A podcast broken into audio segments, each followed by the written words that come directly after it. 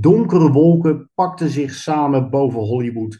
Na de schrijvers staken nu ook de acteurs. Indiana Jones en The Dial of Destiny lijkt vies te floppen. Mission Impossible doet het prima, maar misschien niet zo geweldig als vooraf werd gehoopt. Goddank staan we sinds eind vorige week massaal in de rij voor Barbenheimer. Ja, de grote Barbenheimer podcast. Even voor de goede orde. Barbenheimer, dat is een fenomeen dat je dus op dezelfde dag die twee films achter elkaar kijkt. In welke volgorde zou jij dat adviseren, Guido?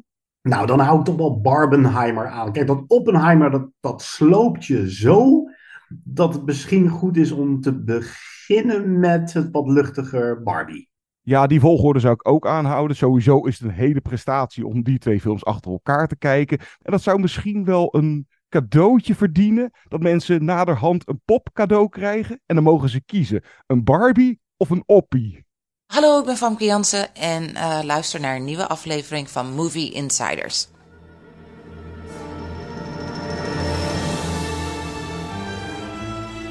Good evening, ladies and gentlemen.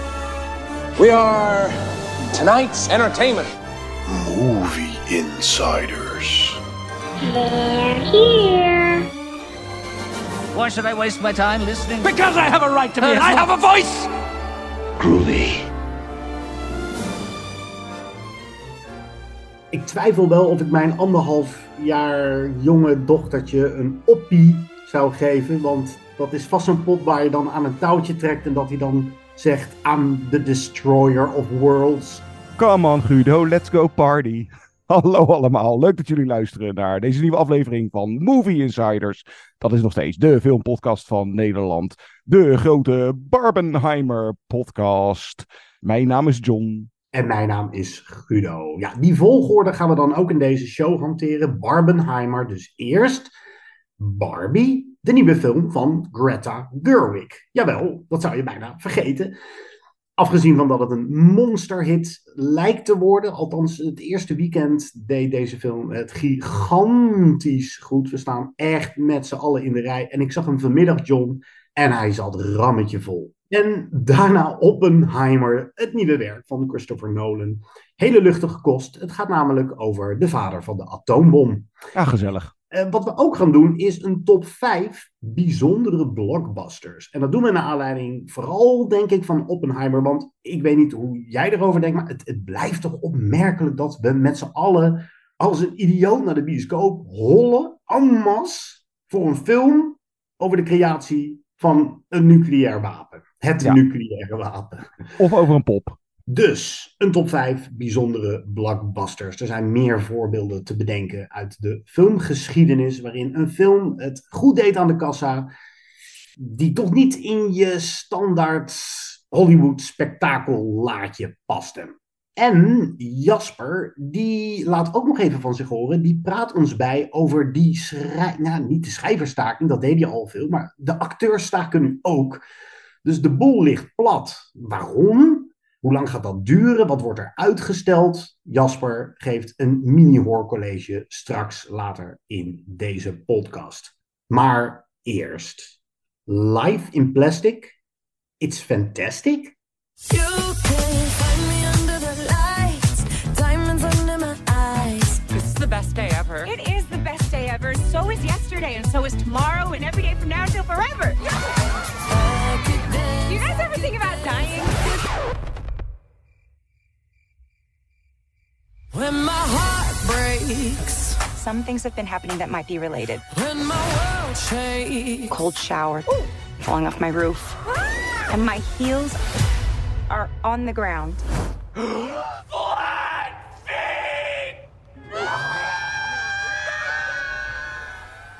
Dat Barbie een hit ging worden was al enige tijd duidelijk, maar dat het zo'n hype zou ontketenen hadden ook wij niet verwacht. Er is zelfs sterk overwogen om de film bij ons in Filmhuis Den Haag te gaan draaien. Ik heb nog nooit zoveel roze op straat gezien, misschien hooguit tijdens de jaarlijkse Pride Parade. De verkoopcijfers van moederbedrijf Mattel waren, voor zover ik weet, altijd al goed, maar zullen nu wel door het dak gaan. Kanttekening, dit alles in dit deel van de wereld, op de grootste box-office markt, China, moet de film het met een schamele vijfde plek doen. Maar volgens mij is de pop in die niet-westerse landen nooit een begrip geweest.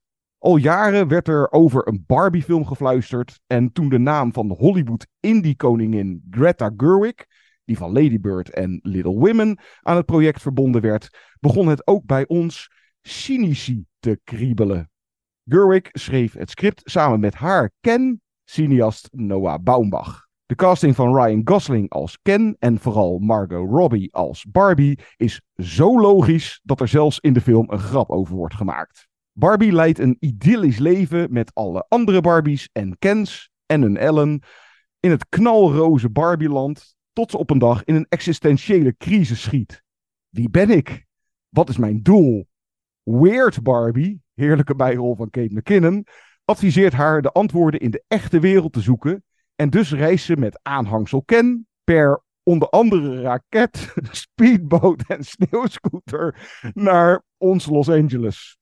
Daar komt ze in contact met haar mens, Gloria, rol van America Ferrara, en gaat met haar en haar dochter terug naar Barbieland, waar de eerder teruggekeerde Ken voor wat patriarchale veranderingen heeft gezorgd. Guido, er valt hier zoveel over te zeggen. Misschien moeten we een grondige analyse over het fenomeen, belang, de impact, etc. voor een latere podcast bewaren, nadat we hem beide een tweede keer gezien hebben. Barbie recensie 2.0 dus. Oké, eerst maar eens hoe we hem, of haar, zagen en beleefden. En dan wat we ervan vonden. Zoiets? Nou, vind ik een heel goed plan. Wat ik al zei, ik zag hem dus vanmiddag tussen het gewone volk. Dat klinkt zo. Nee, maar ik wilde eigenlijk meer mee zeggen dat uh, vanwege mijn werk als filmrecensent voor het AD zit ik vaak films te kijken in zaaltjes met nou, mensen die heel driftig ook schrijven tijdens de film. Uh, van die zure critici. Ja, een beetje van die zure critici waar je er dan ook ineens eentje van bent. En nu zag ik hem echt tussen de popcornkauwers. Uh, het was een bond, leuk, gaaf gezelschap. En ik heb in lange tijd. Dat, misschien is dat het, het, belangrijkste eigenlijk wel om te zeggen over Barbie. Ik heb in lange tijd niet zo gelachen. Ik heb echt zo'n ontzettende lol gehad aan deze film. Je noemde al Kate McKinnon. Ja, we kunnen honderden voorbeelden geven. Laten we niet uh, te veel spoileren. Ook de grapjes zijn leuk om te ontdekken. Ik verklapte er eentje aan mijn uh, meisje hier thuis, die hem zelf nog moet zien. Maar het betrof het fenomeen dat mannen graag de Godfather aan hun vriendin willen laten zien. Dat vond ik een van de leukere. Er zit een geweldige 2001 Space Odyssey verwijzing in. Dat is de openingsscène. Misschien heb ik het hardst moeten lachen om Ryan Gosling, ofwel Ken, die in de echte wereld een dokter in het ziekenhuis uh, uh, zoekt. zoekt. Ja. dat is ook. Dus ja, ik vond hem vooral heel erg grappig. En ik stelde mezelf de vraag halverwege, jeetje, dit is niet voor kids, dit is meer voor volwassenen. En vinden tieners het wel leuk? En op het moment dat ik het dacht, en er werd een, een best wel pittige grap gemaakt, ook over Mattel, dat is het moederbedrijf achter Barbie, waren er twee tieners naast me die riepen, jeetje, het wordt echt alleen maar belachelijk gemaakt. Kom, we gaan. Ze hebben spullen gepakt en hebben de zaal verlaten. Dat vond ik Oh. toch wel opmerkelijk. Ja, maar dat krijg je dan misschien toch ook. Ehm, ik denk, maar daar gaan we het zo over hebben, dat Greta Gerwig heel veel vliegen in één klap wil slaan. Ze wil Ja. en Barbie film maken met heel veel roles en grapjes. Ze maakt ook een soort The Matrix en Being John Malkovich. Het is eh, nogal veel. Maar eerst wil ik van jou horen. Hoe heb jij hem beleefd? Ja, dat was nogal eh, bijzonder, want ik was naar de gala-première in Koninklijk Theater Tuschinski in Amsterdam, waarvoor nog dank Warner Brothers. En daar liepen naast wat BN'ers, of misschien wel veel BN'ers, maar ik ken de meeste niet, allemaal, ook van die influencers, dus allemaal van die figuurtjes die dan met een mobiel zich aan het filmen waren met de rest van de zaal. En kijk, ik ben erbij. En het is Amsterdam, dus ook een handjevol drag queens. En het was echt een evenement. Eh, gewoon ook de hele straat, al die mensen daar in de rij. De afterparty eh, die daarna kwam met een goodiebag. Ik heb daadwerkelijk een Barbiepop gekregen. En, maar het was dus die avond niet alleen, het was echt in alle pathés en andere grote bioscopen. Overal was die Ladies Night. Maar wat wel interessant was, sowieso bij ons en ik denk bij al die anderen, of wat jij vanmiddag dan ook meemaakte, het aandeel van de hoeveelheid mannen die er ook naartoe gaan. Want volgens mij, zoals ik het een beetje meekrijg, wordt deze film ook massaal omarmd door ons mannen. En dat is sowieso iets interessants voor misschien een veel uitgebreidere discussie voor een later moment of wat dan ook. Maar hè, echt een ja, meisjesfenomeen, een Barbiepop. En dat wij mannen daar ook naartoe gaan. En nou ja, sowieso eh, voor mannen valt er ook voldoende uit deze film te halen. Even nog Oh, eh, ja, ja, aansluitend op eh, wat jij zei over die. nou, het is denk ik ja, niet voor jonge kinderen. De leeftijdskeuring voor hier is dan 9 plus, geloof ik. Volgens mij kunnen jonge kinderen hier ook wel plezier aan beleven. Eh, die zullen dan gewoon bepaalde thematiek niet meekrijgen. Om nog even terug te gaan naar die gala-première waar ik was. Er was dus sowieso een heel sfeertje ook in die zaal aanwezig. Iedereen had er ook al wel een paar van die eh, roze eh, drankjes met, weet ik veel, fruit en alcohol. eh, het, was gezellig. En zeker het eerste half uur hing er een, echt een ook enorme lol. Waarna het in het verloop van de film werd dat wel wat minder. En dat kwam denk ik ook deels door de serieuzere thematiek eh, die er op een gegeven moment ook wel in zit. Het is niet twee uur lang. Tuurlijk zit er af en toe nog wel een grapje, maar niet twee uur lang alleen maar ongein. De, film heeft echt inderdaad, wat we dus al eh, nou, proberen aan te halen, een hele hoop te zeggen. En ook wel het een en ander om daadwerkelijk over na te denken. En dat merkte je in de zaal. Naar het einde toe, met die nog wel weer achterlijke finale, kwam de lol er weer echt flink in. Dus ik zat meer in een zaal die ja, meeging met de flow van de film. Het begint allemaal grootste plezier. hey, dit heeft toch wel wat meer te vertellen. En dan aan het einde, ja, kom we omarmen de gekte. En had je dat, ja, misschien is dat net weer anders met het wat doorsnee popcorn publiek. Ja, nou, ze beleefden met z'n allen wel eh, genoeg lol. En die twee tieners naast mij waren de enige uit die hele volle zaal die wegliepen hoor. Dus dat waren misschien dan de uitzonderingen. Maar dat er ook, ik vind het wel interessant inderdaad. Misschien kunnen we heel kort nog even bij stilstaan. Dat ook vooral veel mannen naar Barbie gaan. Ja, dat heeft misschien toch te maken met die uitgekiende marketingcampagne. En in die campagne was al duidelijk dat dit niet een IP-gedreven blockbuster zou worden, zoals bijvoorbeeld de Super Mario Brothers of de Transformers, eh, gebaseerd op de Hasbro toys.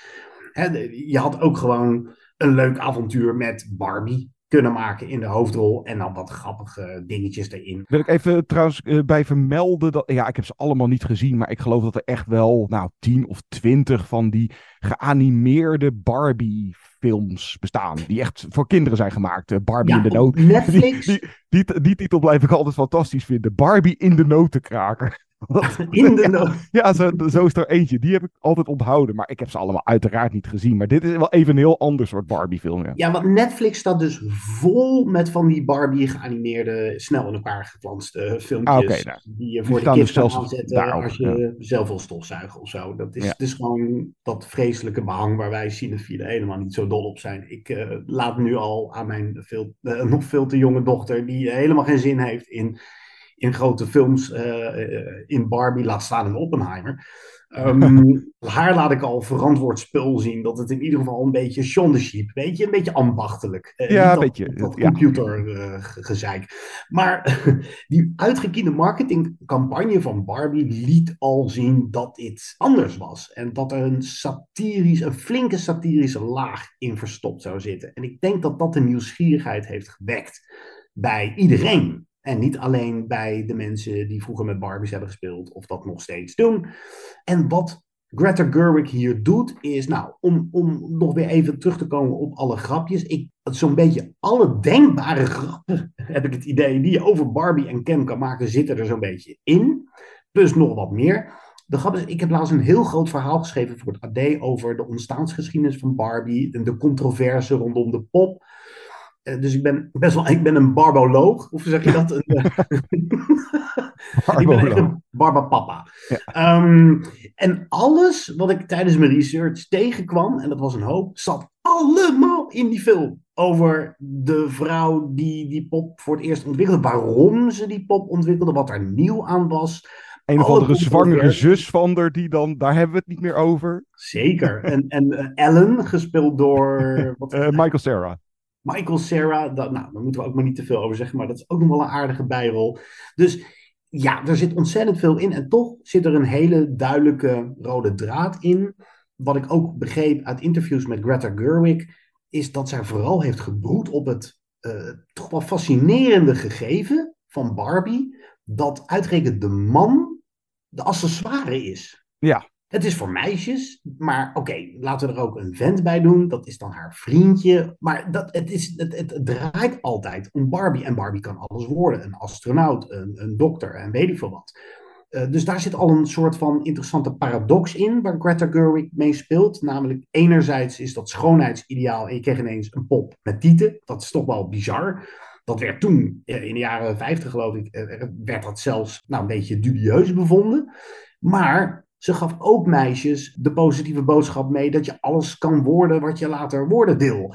En de paradox dat Barbie is uitgevonden in een door mannen gedomineerde wereld. Nou, daar zitten we nog steeds wel in. Al hebben we hè, met z'n allen het gevoel dat dat een beetje aan het verschuiven is nu.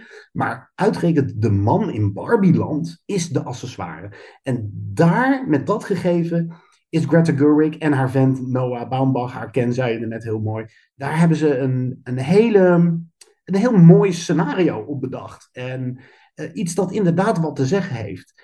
Een feministisch pamflet gaat me net te ver. Nee, dat maar het raakt wel degelijk ook aan de discussies die we met z'n allen aan het voeren zijn. Over de rol van de vrouw en over emancipatie. Het, het is ook nog eens de timing van deze film is perfect. Ja, ook dat zorgt nog eens eh, extra voor, nou, mis- misschien nog wel meer eh, mond-to-mond reclame. Een term die we later in deze podcast ook waarschijnlijk nog wel eh, tegen zullen komen. Maar ja, inderdaad, de thema's die erin zitten. Nou, ja, de satire en dus zelfs bijvoorbeeld de overpeinzingen die je in de film en zelf als kijker later eruit kan halen met man-vrouw verhoudingen. En laten we inderdaad niet te veel spoileren, maar Ken die het patriarchaat ontdekt. Maar wat jij dus al inderdaad aanhaalt, dat Barbieland is eigenlijk een soort omgekeerde wereld van hoe de verhoudingen normaal gesproken Exact. zijn. Ja, En ja, bijvoorbeeld ook, deze ook heel toepasselijk, eh, de rol die je moet spelen als man of als vrouw zijnde. En dat Ken daar bijvoorbeeld dus ook achter komt van, hé, hey, ik ben inderdaad gewoon, I'm just Ken. Ik ben gewoon alleen maar een aanhangsel. En de openbaring eh, die daarop volgt, eh, ook voor Barbie, of zelfreflectie. Nou, op een gegeven moment wordt het misschien zelfs bijna filosofisch. Wat is de betekenis van het leven? De betekenis van het zijn? Wie ben ik? Eh, en nou, ik heb deze dan even genoteerd staan. Door wat zij leren in de echte wereld, wordt de hiërarchie in hun, laten we even zeggen, utopie, wordt verstoord. Doordat de verhoudingen opeens, zeg maar, weer meer zoals ze doorgaans in de echte wereld. En nou ja, uh, tweede, wat je ook al aanhaalt, is inderdaad over dat ideaal, van de, die ideale vrouw of de schoonheid daarvan, het zelfbeeld.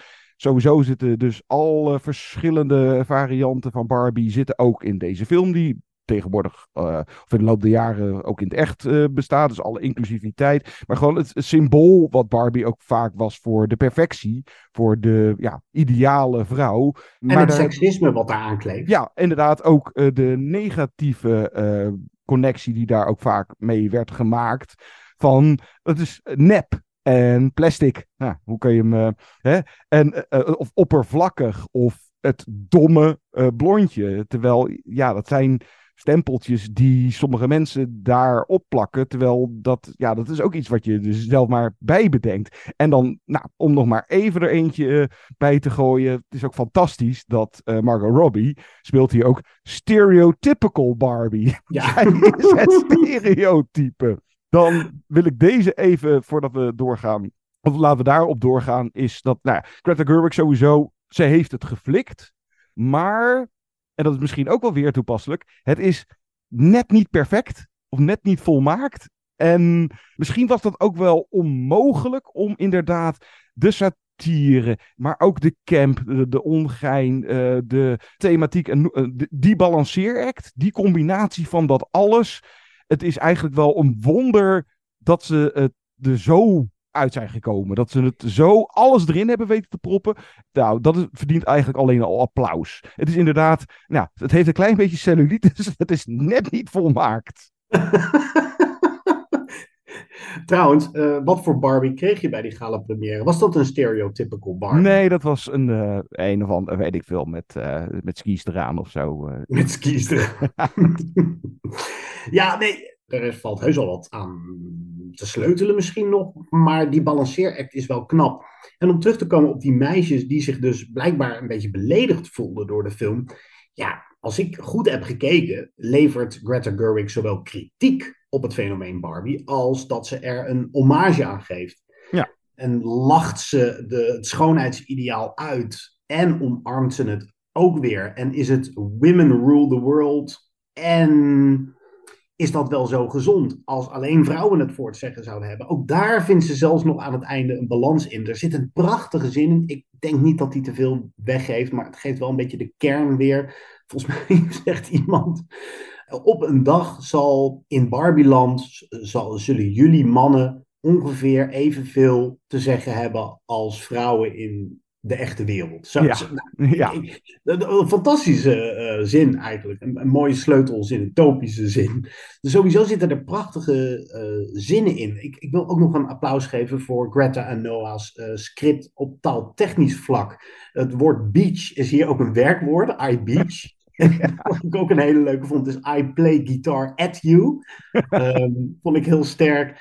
En zo zitten er echt zoveel meer vondsten in, dat ik eigenlijk, tot mijn grote verrassing, nou ja, verrassing, Greta Gerwig, hallo, we hebben het eh, niet over zomaar iemand, die kan wel wat. Dus eh, de verwachtingen waren heus wel hoog, maar ik kan eigenlijk niet wachten om hem een tweede keer te zien, omdat ik nu alweer de helft van alle vondsten en grapjes ben vergeten. Eh, Ja. en, Er zitten zoveel inside jokes. En, maar dus bijvoorbeeld Ja. ook, ja, eh, jij had je er iets mee in verdiend. Allerlei fanservice van dat accessoire komt voorbij. En, nou, en dan allerlei verwijzingen en odes inderdaad ook naar films. Je noemde 2001 al. Maar wat dacht je van musicals? Ik weet niet of je de ode aan Singing in the Rain qua set ook herkende. Die, eh, Zeker, er ja. zit zelfs een verwijzing naar de Snyder Cut van Justice League in. Die vond ik trouwens wel een beetje uit de lucht vallen. Ja. En, en er zitten ook minder geslaagde grapjes in. Het viel mij op dat een paar keer de zaal stil viel en dat je bijna krekels kon horen, terwijl er toch wel heel duidelijk eh, de bedoeling was dat we gingen lachen om een grap. En die, zaad, die vormde zich, of centreerde zich een beetje rondom ehm, de top van Mattel. Dat is wel weer een aardige grap, dat de volledige board van Mattel bestaat uit mannen en Will Ferrell is dan de grote CEO. Maar of, dat, of ik dat nou zo geslaagd vond, dat weet ik niet. Er zaten ook een paar aardige dingen tussen. Ze zwaaien heel erg leuk Ja, aan. sowieso eh, had ik daarmee, dus inderdaad met eh, de CEO eh, gespeeld door Will Ferrell, plus eh, het deel in de echte wereld, dat zit er allebei niet te veel in. Het valt eigenlijk qua hoeveelheid speelduur dat ze in de echte wereld, dat verwachtte je van, oh ja, die angst had je al bijna van, ja, straks zitten we de rest van de film in die, in die echte wereld en krijg je alleen maar dat hè, fish out of water, wat je bijna zou verwachten. Maar nou, ze, ze keren al heel snel weer terug naar eh Barbieland en ja, de camp, eh, het plezier en de kleuren, de sets, de kostuums, de details. En nou ja, sowieso, dat is ook weer zoiets waar je volgens mij een tweede keer voor moet kijken. En er zit, ja, er zit nog zo, we vergeten nog zoveel dingen aan te halen. Ook dingen als commercie, kapitalisme, depri-Barbies. Oké, dan moet je de film. Ja, die was ook leuk trouwens. Volgens mij was dat het moment waarbij die twee tieners naast mij eh, vertrokken. Dat vonden ze te ver gaan. Ja, dat was er moment. overal, overal eigenlijk gewoon zo goed over nagedacht. De monoloog die Gloria op een gegeven moment houdt is fantastisch. Eh, nou, hoe de Kens weer teruggetransformeerd moeten worden. Nou, dat soort dingen. En om niet te vergeten dat Margot Robbie en eh, Ryan Gosling zijn niet alleen perfect gecast. Het is ook geweldig geacteerd.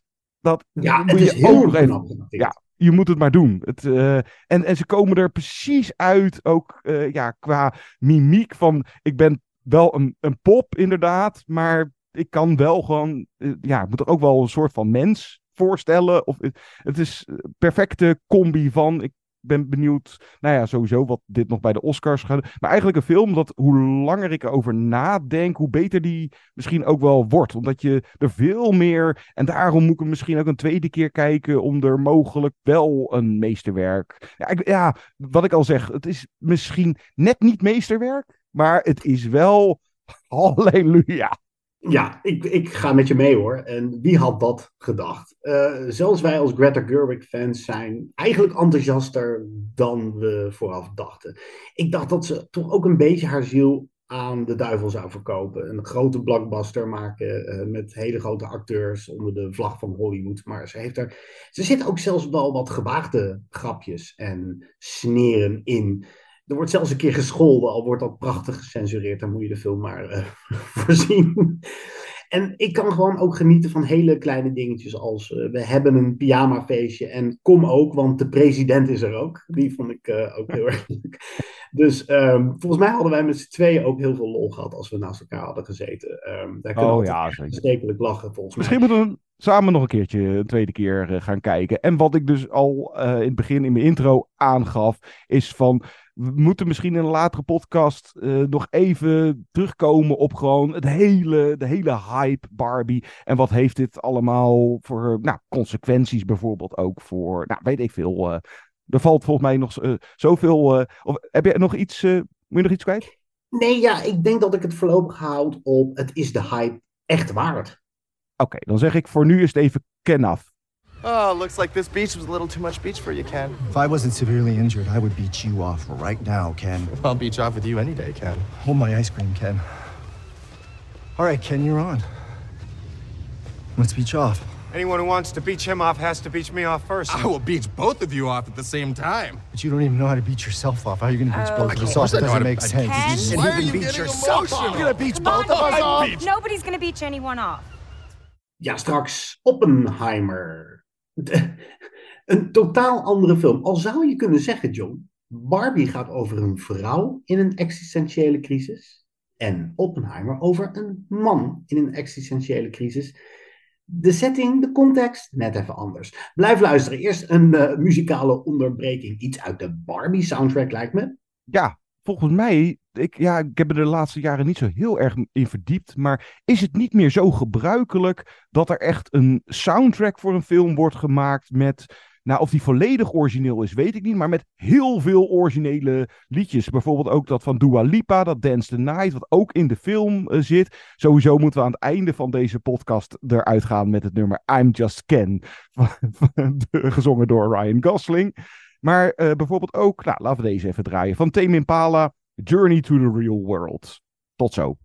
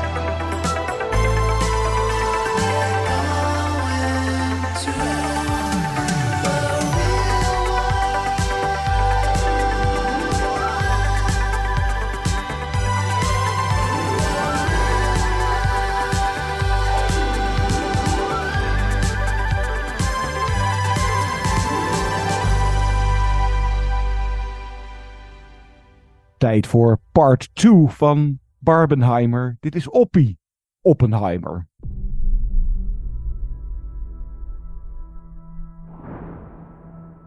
We're in a race against the Nazis. And I know what it means if the Nazis have a bomb.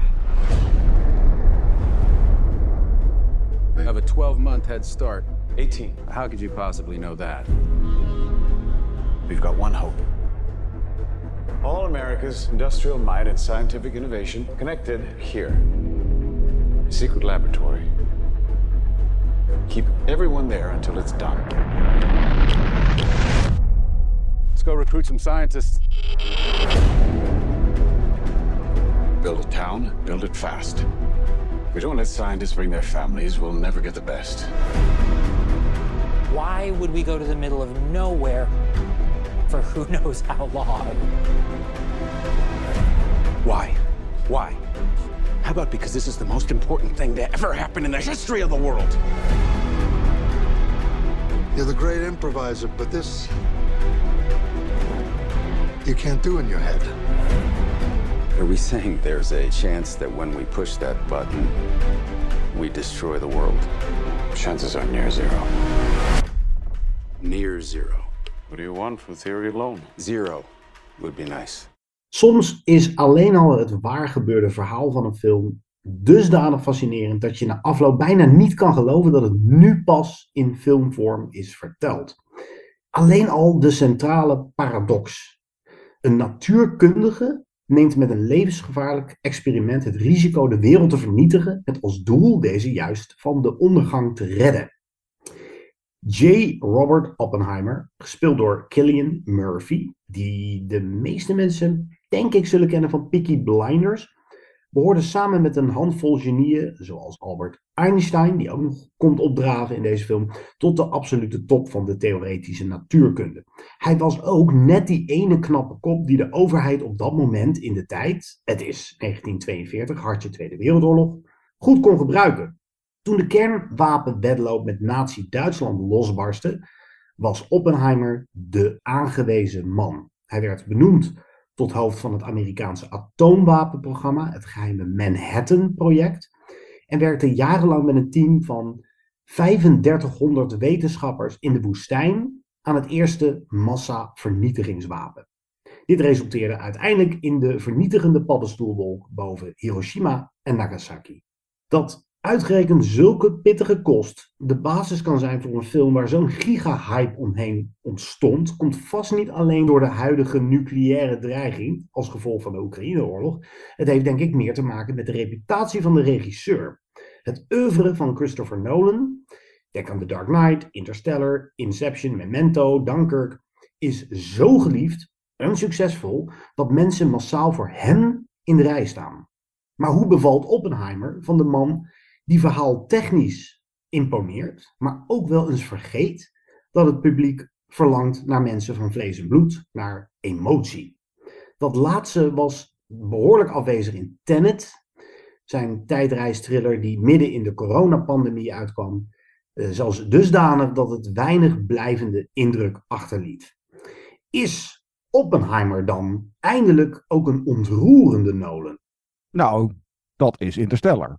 Dat is eigenlijk de enige van Nolan tot nu toe die mij daadwerkelijk echt emotioneel ook raakte. Daar was wel echt een tweede kijkbeurt, uh, derde kijkbeurt voor nodig. Uh, maar dat heb ik tot nu toe. Nou, dat uh, is misschien wat voorbarig, maar als mijn favoriete Nolan. En met deze, ja, ik ben nog steeds redelijk onvergeblazen. En hij was ook deels wel anders dan ik had verwacht. Maar in ieder geval bij deze eerste keer kijken, ik werd er niet echt. Er zit zeker emotie in, zeker voor zijn doen. Maar ik werd er niet echt zozeer emotioneel door geraakt. Jij wel? Ja, tot mijn grote verrassing eigenlijk wel. Ik vond hem nou ja, emotioneel geraakt. Niet dat ik heb zitten huilen in mijn bioscoopstoel. Maar het is wel een film die me bijblijft. Niet zozeer om de wiskundigheid ervan. Zoals ook bij Interstellar wel een beetje het geval was. Ja, ik ben het met je eens. Daar zaten een paar prachtige, ontroerende scènes in. En de kern van die film is ook emotioneel. Het gaat over een vader die zijn kinderen achterlaat. En in de ruimte zoveel tijd doorbrengt dat zijn kinderen op aarde uh, ineens ook volwassen mensen al zijn, waardoor hij zijn he de hele kindertijd zo'n beetje mis. Hij, uh, op, hij ziet ze niet opgroeien. Maar toch, als ik terugdenk aan Interstellar, denk ik toch ook wel aan gewoon het hele mechanisme en de complexiteit ervan en over de vierde dimensie. En bij Oppenheimer denk ik toch aan die centrale eh, figuur, Oppenheimer zelf natuurlijk, die met zoveel gewetensvroeging rondloopt. Uh, dat achtervolgt me gewoon. Dat vond ik bijna spookachtig. Kijk, Oppenheimer is, daar gaan we het zo over hebben, toch weer ook complex en gelaagd. En er zitten heel veel verschillende tijdlijnen in. Sommige tijdlijnen zijn in kleur, andere zijn in zwart-wit. Sommige beginnen in zwart-wit en worden kleur. En het Sowieso niet, keer... niet, niet chronologisch. Het gaat uh, dwars door elkaar heen. het, het is wel, dat, uh, wel een hele verdienste. Het is allemaal wel te volgen. Het is goed te volgen, al zitten er toch, ik denk toch dat ik nog niet overal helemaal uit ben en dat daar een tweede kijkbeurt toch ook voor nodig is. Ja, vooral die, uh, wat dacht je van die, uh, dat wordt gemeld helemaal aan het begin van de film, Vision en Fusion. Dat ja, onderscheid exact. tussen die twee. En of dat dan ook gelinkt is aan een onderscheid in nou, het verhaal. De, twee verhaal. Nou, dat zou echt zo'n Nolan dingetje zijn. Daar moet je dan dus sowieso een tweede keer voor kijken. Wat we uiteraard sowieso een keer uh, natuurlijk gaan Ja, doen. nee, ze zeker. En het, het, is dus toch. En ik, maar het zat me niet in de weg. Kijk, je zou ook weer kunnen zeggen trouwens, de dialogen Christopher Nolan kan nog steeds iets beter worden in gewone mensentaal. okay, ja. ja, het is een beetje gezwollen en wat geschreven, maar uh, wat Nolan doet is hier sowieso op meerdere vlakken heel indrukwekkend. En hij kan liften op een geniale hoofdrolspeler. Dat is hier wel echt cruciaal. Killian Murphy is echt wel Oscar-waardig. En achter zijn ogen schuilt alles al wat deze film voor mij toch ook ontroerend maakte. Dus op ja, in zijn mimiek. Angst, ja, deceptie, teleurstelling, uh, uh, wat ik al eerder zei, gewetensvroeging. Maar ook de manier waarop Christopher Nolan zijn echtgenote, gespeeld door Emily Blunt, introduceert. Die een cruciale scène heeft aan het eind van de film, raakte mij ook. Dus ja, het, is meer gefocust dan veel andere Nolan films die best wel waar die constructie, dat constructje je ook een beetje in de weg kan zitten. En hier gebeurde dat voor mij eindelijk een keer niet. En dat maakt Oppenheimer voor mij in sommige opzichten misschien wel de volmaakte Nolan film. Het is wel een soort van kroon op zijn werk. Ja, ik denk dat het misschien het, mogelijk zijn meeste werk tot nu toe is. En wat ik al zei, deels anders dan ik verwachtte. En daar ga ik zo even op in. Ja, daar ben ik wel benieuwd naar. Ja, even uh, waar we het de laatste maanden of jaren heel veel over hebben. De lengte, die ziekte, dat alles. In dit geval had het korter gekund. Ja, uiteraard had die korter gekund, maar dit voelt niet aan als drie uur. Door, laat ik het even het tempo noemen. De montage is hier zo, zo en Oscar-waardig en zo snel. En plus die puzzel, niet de gebruikelijke breinbreker zoals we eerder van hem gewend waren, maar wel een beetje de puzzel qua tijdslijn. Het houdt je wel goed bij de les, waardoor je ook op die manier uh, naast de thematiek en alles wat er gebeurt, uh, gefascineerd blijft kijken. Ook van, oh ja, wacht even, nu zitten we weer daar en dat soort dingen. het is minder spektakel. Nou ja, in ieder geval minder qua actie en special effects of stunts, zoals je in zijn eerdere werk dat wat meer had zitten. Het is eigenlijk meer verbaal spektakel en ook ja. wel visueel spektakel, maar dan niet qua actie en special effects wat ik net doe, maar het voelt vooral wel groots aan. En sowieso, dus wat ik niet ervan verwacht, het is wat minder technisch eigenlijk. Uh, het gaat niet heel erg met allerlei uh, wiskundige, natuurkundige, wetenschappelijke termen. Tuurlijk, ze komen wel voorbij. En de tests uh, die er. Nou, dat had ik ook nog verwacht. Dat er misschien wat meer nog met tests. of, nou, eigenlijk. uiteindelijk kom ik op de conclusie uit. Er zitten minder explosies in de film. dan ik van tevoren had verwacht. En het echt meer over Oppie gaat. over Oppenheimer zelf. En een biopic is, maar dan wel van dat nieuwe soort. De allerbeste vergelijking, denk ik, die je kan maken, is met de social network. Ook qua ja, stijl, uh, de, mo de, montage, dat, dat tempo. En ook meer over de totstandkoming en de consequenties van datgene wat geschapen wordt. Dat had de social network eigenlijk ook. Daar ging het ook wel over de persoon. En dat is hier ook. En dat is volgens mij ja, misschien wel het geniale dan van het script. Hoewel er inderdaad misschien wat op de dialogen valt aan te merken. Het geniale van het script is dat tussen de regels door krijg je voldoende over de man Oppenheimer mee. Terwijl we toch ook naar visueel spektakel zitten te kijken. Ja, we- weet je waar, aan welke film ik ook geregeld moest denken? Amadeus. Oh ja, dat is ook een goeie. Ja, want er zit ook rivaliteit in. Eh, zijn rivaal, als je het zo mag noemen, wordt hier gespeeld door Robert Downey Jr. in zijn beste rol misschien wel ooit. Ehm, als we dan toch met Oscar-nominaties strooien, geef hem er alsjeblieft ook één. En laat hem misschien zo winnen. We- Weet je, Ja, ik, ik, dacht geen seconde aan Iron Man. Echt Nee. geen Maar weet je aan wie, aan wie je wel dacht? En ik was niet de enige, want ik was met vrienden. Hij lijkt hier heel erg op Jeremy Irons. Mm, Ja. ja. Dat- En- ja, en hij dat- heeft ook een wat smaller bekkie. Ja, hij is ook Eh, al een dagje ouder. Dus dat, eh, Ook dat, maar ja, maar hij speelt dus Louis Strauss. En hoe dat precies zit, daar moet je de film maar voor zien. Dat is ook niet zomaar 1, 2, 3 eh, eh, samen te vatten. Want het, het is belangrijk dat je in ieder geval weet dat we hem volgen als hij eh, natuurkundige wil worden. Dan, en dan leert hij, eh, dan komt hij in het hol van de leeuw. Dan zien we Josh Hartnett weer eens voorbij komen. Die is al heel ver met het splitsen van atomen. Eh, we zien de Trinity-test, de, de eh, generale repetitie zou je kunnen Ja. zeggen voor de atoombom. Daar wordt geniaal naartoe gewerkt. Het duurt dan een half uur en het, het is... En als het zover is, dan speelt Nolan ook nog eens heel interessant met stiltes. Dat vond ik ook heel verrassend. En het gaat natuurlijk ook over. ehm, nou ja, wat hem dreef is ook wel interessant. Het is natuurlijk, je zou het bijna vergeten, maar hij is ook van Joodse kom af. En we zitten hartje Tweede Wereldoorlog. En er zijn geluiden dat de nazi's heel ver zijn met, een, eh, met ook het ontwikkelen van een atoombom. Nu bleek dat later heel erg tegen te vallen, of mee te vallen. Het is maar net hoe je het ziet.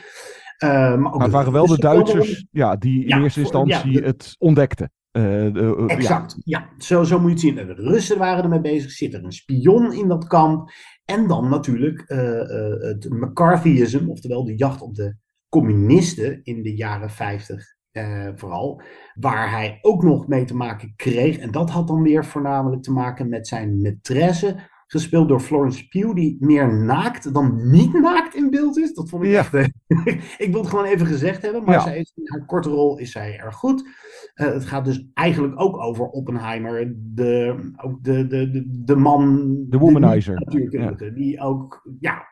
Ja, dat, dat zit er allemaal eh, tussen de, dat, dat bedoel ik. Dat zit er allemaal wat meer tussen de regels door in. Hoewel er best wel veel focus ligt op eh, dat inderdaad, nou, die heksenjacht naar eh, vermeende communisten. En dat die Louis Strauss, nou, het hele politieke spelletje en hem proberen in discrediet te brengen. Maar wat ik nog even wil zeggen is dat de film toch, ondanks dat het niet groots uitpakt qua actiespektakel zoals we van Nolan veel eerder zagen, pakt hij wel groots uit op heel veel andere manieren. Eh, onder meer met eh, de bom, nou ja, oké. maar ook qua script, eh, zeg maar de hoeveelheid dialoog en de hoeveelheid personages en de informatie die erin zit. Hoewel dat dan dus technisch best wel beperkt is. Zijn privéleven ook best wel beperkt is. Maar vooral over nou, de prestatie eh, die geleverd wordt. eh, en dus dat hele politieke spelletje. Het, het zit er allemaal in. Plus groots qua thematiek ook. Het gaat over eh, de ontwikkeling van het eerste echte massavernietigingswapen. En de consequentie die dat had globaal gezien. Maar ook En nog steeds voor hem, voor, ja, en voor hem de hele wereld persoonlijk. Eh, voor hem persoonlijk natuurlijk ook. eh, hij, hij is de man die dat ja, heeft bewerkstelligd. En dat dat dan eh, zeker later ook als machtsmiddel wordt gebruikt.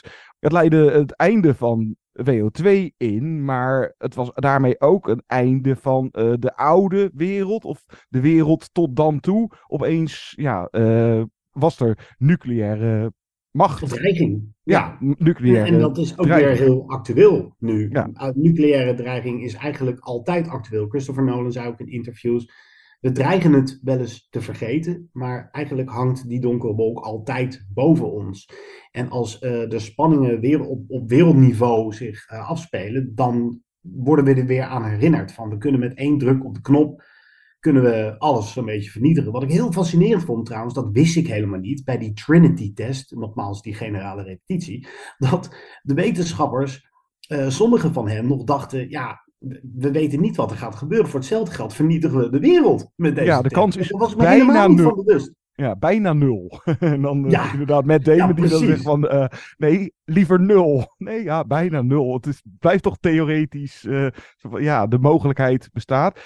Ik wou nog even kijken. Ja, oh ja, groots. Nou, cast ook. Dus enorme De- hoeveelheid. Gigantisch veel grote namen. In soms wegwerpscènes. Ja, Oscar-winnaars als Casey Affleck, Rami Malek, gewoon in kleine bijrolletjes. Gary Oldman als eh, president Truman. Inderdaad, eh, Emily en Florence noemde jij al, die fantastisch zijn. Eigenlijk als net meer dan de vrouwen in zijn leven. Ze, hebben ook echt wel een rol van betekenis. En ze krijgen ook nog net wat eh, karakter mee. En Killian is inderdaad eh, fantastisch. En dan eh, ook nog eens ja, toch ook audiovisueel is het een groot... Het, het geluid en de score van eh, Ludwig Göransson, waar we het zo nog wel over hebben. Maar ook het camerawerk van Hoyte van Hoytema en de effecten. Nou, ik las dus dan, dat, althans dat beweert eh, Christopher Nolan, dat er gewoon geen CGI in de film zit. Nul en digitaal. hebben ze dan een kleine atoomexplosie gedaan voor deze film? Nou, in ieder geval, ze hebben of een gigantische explosie of een kleine atoomexplosie. eh, Ja, nee, maar wat, ja. wat jij ne- net zegt vind ik echt heel belangrijk. Want eh, ja, ik vind je vergelijking met de social network heel goed. En, en wat ze allebei gemeen hebben, is het zijn allebei in de kern best wel babbelzieke films. Er wordt heel veel in geouwehoerd. Heel erg veel. Eh, in de social network ook nog eens heel snel. Maar het is, voor, het is de meest praterig uitgevallen Nolan film. Maar hij vergeet nooit, geen seconde, dat hij een film aan het maken is die audiovisueel moet prikkelen.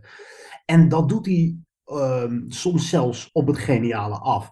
Er zit een scène in dat eh, de Trinity-test is afgelopen en dat hij als een soort van held wordt onthaald. En wat er dan in zijn hoofd omgaat en wat we dan zien en horen, dat vond ik toch wel een- misschien wel een van de beste Christopher Nolan scènes die ik ooit zag.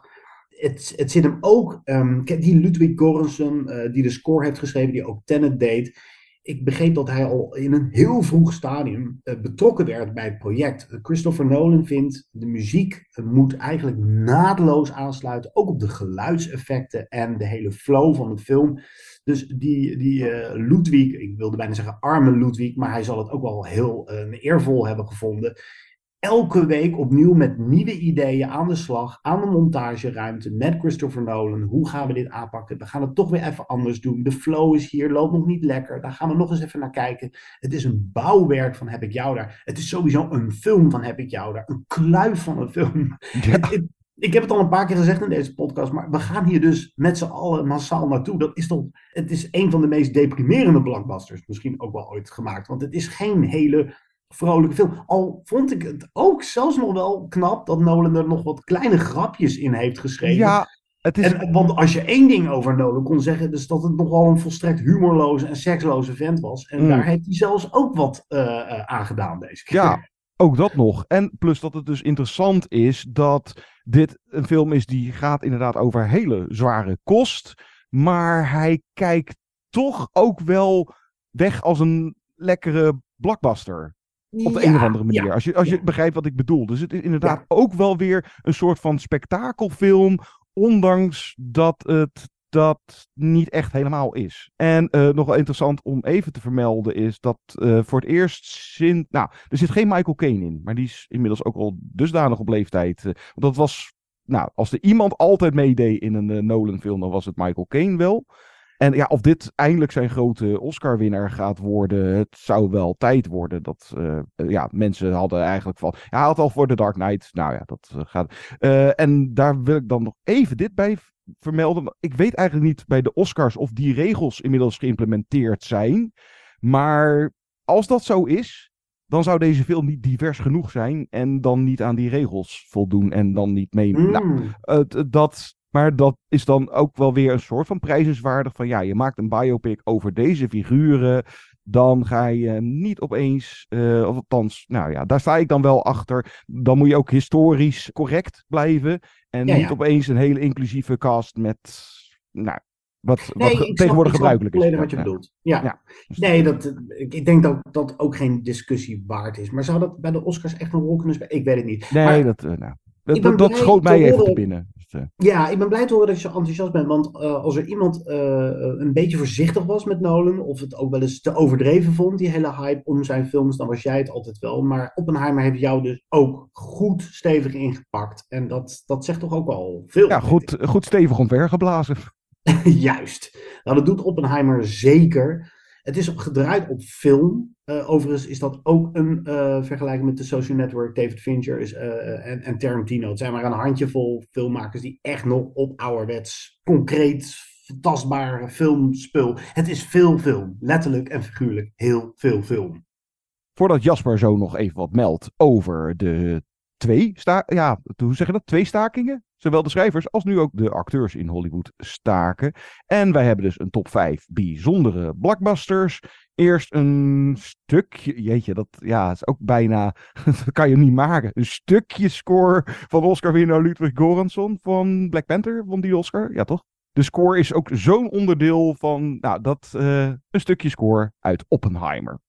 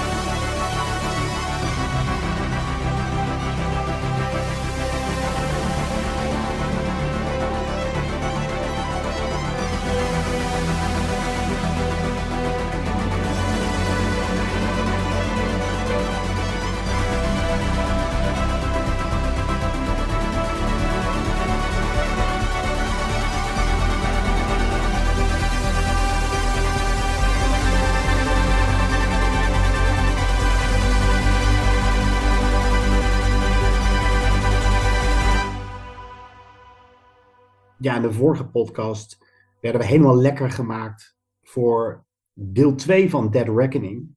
De zevende Mission Impossible film. Die zou volgend jaar komen, maar het zou wel eens langer kunnen gaan duren. En eh, er zullen wel meer films zijn die langer op zich laten wachten. Heb je net de coronapandemie overleefd? En dan ligt Hollywood om een hele andere reden stil.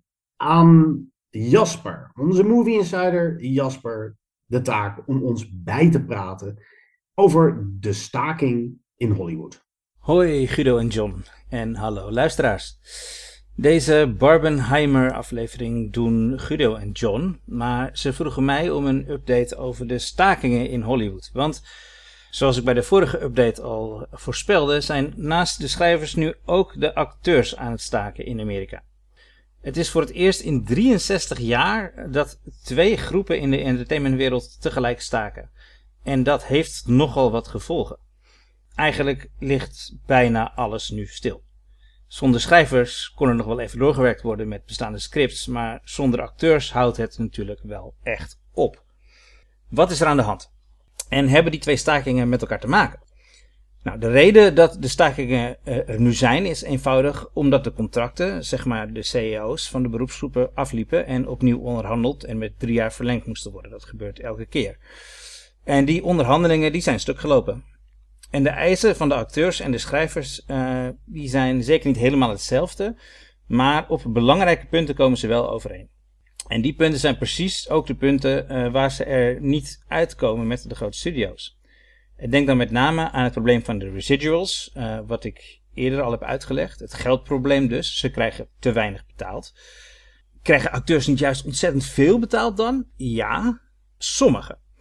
Maar iets meer dan 12% van de leden van SAG, de Screen Actors Guild, de vakbond van de acteurs, zeg maar, uh, verdienen meer dan uh, 26.000 dollar per jaar. Wat het minimum is om in aanmerking te komen uh, voor ziektekostenverzekering, bijvoorbeeld in de Verenigde Staten.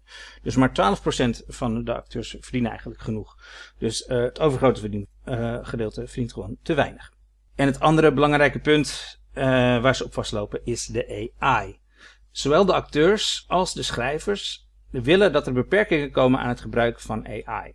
De schrijvers willen dat er een beperking komt uh, bij het gebruik van het schrijven van films, van scenario's. En de acteurs bij het maken van de films. De acteurs maken zich zorgen uh, dat ze op termijn helemaal vervangen zullen worden door AI. Dat zei voorzitter van de acteursvakbond SAG, Fran Drescher. Ja, de nanny. In een vlammende toespraak. Nou, zo'n vaart zal het misschien niet lopen. Maar een acteur krijgt wel steeds minder controle over zijn werk. Als er digitaal even een traan of een knipoog aan een scène kan worden toegevoegd. De meeste zorgen zijn er op dit moment eigenlijk vooral om de achtergrondacteurs, de extra's. Die zouden wel eens binnenkort allemaal uit de computer kunnen komen. En die verdienen al bijna niks. En eigenlijk alleen al het feit dat de studio's niet bereid zijn de acteurs en de schrijvers tegemoet te komen op dit punt van AI geeft al aan dat ze blijkbaar niet helemaal ongelijk hebben met hun angst hierover. En dan is die staking van de acteurs nou goed nieuws voor de schrijvers? Um, ja, waarschijnlijk wel. In ieder geval is er nu veel meer aandacht voor de zaak. Uh, een bevriende schrijver van mij schreef me dat er uh, sinds de acteurs staken er niet veel meer camera's bij de protesten aanwezig zijn. Ze lopen echt uh, elke dag met van die bordjes voor de studio's, de deuren van de studio's rond. Hè? En hij zei dat er nu ook veel meer foodtrucks zijn ineens bij de protesten. Dus de lunch is ook een stuk beter geworden. En SAG, de Screen Actors Guild, vertegenwoordigt ongeveer 160.000 media professionals, met name acteurs. Uh, dus dat zijn nogal wat mensen die staken op dit moment. En dit is voor de studio natuurlijk ook een veel dringendere situatie geworden nu, want alles ligt gewoon stil. Ik zei in een eerdere update al um, dat bij de vorige staking de reality shows een ongekende vlucht hebben genomen. En uh, dat is eigenlijk nooit meer weggegaan. En ook nu zien we een soortgelijke aardverschuiving in de entertainmentwereld gebeuren. Maar dit keer zijn het de TikTokkers, de Instagrammers, Twitchers en YouTubers die een hele grote boost lijken te krijgen. Die hadden natuurlijk al een hele grote following, maar uh, dat is nog steeds meer aan het worden uh, hierdoor. Uh, aan de ene kant zijn de studiobazen haastig op zoek naar die content creators om hun contentgat te vullen. En aan de andere kant gebruiken ook de stakende acteurs die kanalen om zich te uiten en misschien nog iets te kunnen verdienen. Uh, de Screen Actors Guild, dus probeert dit uh, trouwens ook tegen te gaan. Ze hebben natuurlijk geen zeggenschap over die influencers, want die zijn geen lid van de vakbond. maar die willen dat misschien wel ooit worden, vandaar dat ze wel een poging doen. Ze hebben een statement uitgebracht waarin ze zeggen: Any non-members seeking future membership in SAG who perform covered work or services for a struck company during the strike will not be admitted into membership into SAG. Ze zeggen dus, ze zetten dus eigenlijk hun toekomstige lidmaatschap op het spel als ze voor de studio's content gaan maken. En ja, de staking heeft ook gevolgen voor films die al af zijn, eh, want acteurs mogen ook geen promotioneel werk meer uitvoeren, net zoals de schrijvers. Zo liepen de acteurs uh, weg bij de première van Oppenheimer in Londen op de dag dat de staking werd afgekondigd. En ook onze arme Guido wordt geraakt. Want ja, heeft het nog wel zin om naar al die leuke filmfestivals te gaan als hij daar geen acteurs kan interviewen? Vorige week heeft Alberto Barbera, de directeur van het filmfestival van Venetië, waar Guido altijd heen gaat, aangegeven bezig te zijn met een alternatieve programmering. Waarschijnlijk dus zonder Amerikaanse films. Is er dan helemaal niks meer aan voor filmliefhebbers de komende tijd? Ja, natuurlijk wel. Want we hebben de rest van de wereld nog. En daar wordt wel gewoon gedraaid. En bovendien staakt de Screen Actors Guild vooral tegen de grote studio's in Amerika. Momenteel hebben ze 39 indie producties, dus independent producties aangewezen, waar acteurs gewoon wel aan mogen blijven werken. Waaronder uh, films als Mother Mary met Anne Hathaway, Death of a Unicorn met Paul Rudd en Jenna Ortega of The Rivals of Amcia King met Matthew McConaughey. Die draaien dus nog gewoon. Dus er komt nog wel wat uit Amerika. En wij richten ons gewoon lekker op al die mooie films uit de rest van de wereld. Goed, dat was het voor deze update. Ik ben even uit de lucht de komende weken, want het is schoolvakantie. In september horen jullie me weer in een normale aflevering. Fijne zomer allemaal en tot dan. dank voor je bijdrage en alvast een fijne vakantie, Jasper. We hopen dat je snel weer van de partij bent. Ja, Filmfestival Venetië, dat is dan een van de grote, ja, het eerste grote filmfestival wat het zonder Hollywoodsterren moet gaan doen. Guido, jij gaat daarheen of niet?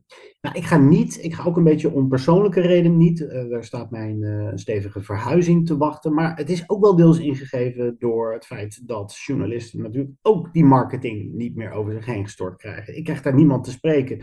Ik geloof wel dat de regisseurs van zich laten horen. Maar veel van, van die regisseurs zijn. Die, die doen ook een soort van mee aan de zijlijn. En laten zich zelf daardoor ook niet zien. Dus of Denis Villeneuve bijvoorbeeld daar nog rondloopt. En uh, nou, Woody Allen zal er sowieso niet rondlopen. Uh, als hij zich durft te laten zien. Maar om andere redenen.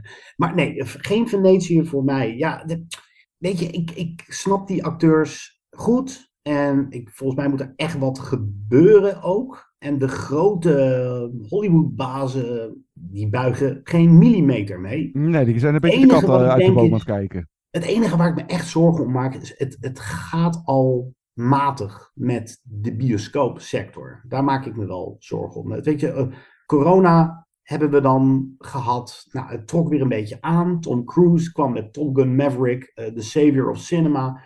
Uh, daar zal Top Gun Maverick altijd om herinnerd worden. De filmtheaters gingen niet kopje onder. En nu dit, weet je, het is, uh, ik, dit drijft mensen ook weer meer naar Netflix. En, ja, uh, nou ja, nu, bar, ben ik nu Barbenheimer. tegen, maar ja, en daarom is Barbenheimer nu zo lekker. Laat, ja. laat dat alsjeblieft zo, allebei zo'n achterlijk succes worden, dat als de staking achter de rug is en er komen weer echt een mooie grote films gaan, dat we ook weer allemaal als een idioot kaartjes gaan kopen. Want wij zijn natuurlijk wel voor vechters van het grote witte doek. En tot die tijd moeten we dan maar gewoon even tien keer Barbie of Oppenheimer gaan kijken. Nou, dat zijn films waar ik voorlopig nog niet klaar dat mee ben. het dus. blockbusters zijn, dat is nu al zo goed als duidelijk. Wij gaan doen een top 5 bijzondere blockbusters.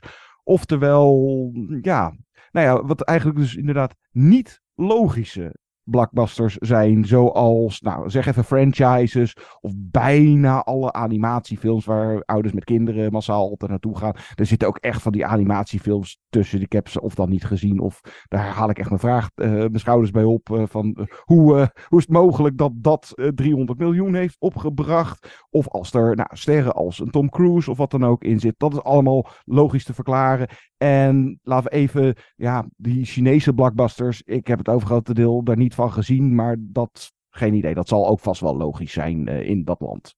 Ja, ik heb er vijf. Ik heb ze niet zozeer gerankt. Ja, dat wil ik hierbij wel even doen. ja, daar heb ik ook niet zozeer. Uh... Ik heb er gewoon vijf en ik denk dat we er redelijk snel doorheen kunnen. Ook omdat ik verwacht dat we wel wat gelijke zullen hebben. Ja, dat weten we dus inderdaad niet van tevoren. Ik hoop niet dat we vijf gelijke zullen hebben. Ik, uh, ik heb gekeken naar uh, Box Office Mojo en dan de all-time worldwide en dan zeg maar de opbrengst. Dus niet uh, aangepast naar inflatie, maar wat uh, gewoon echt de, de centjes die het heeft opgebracht.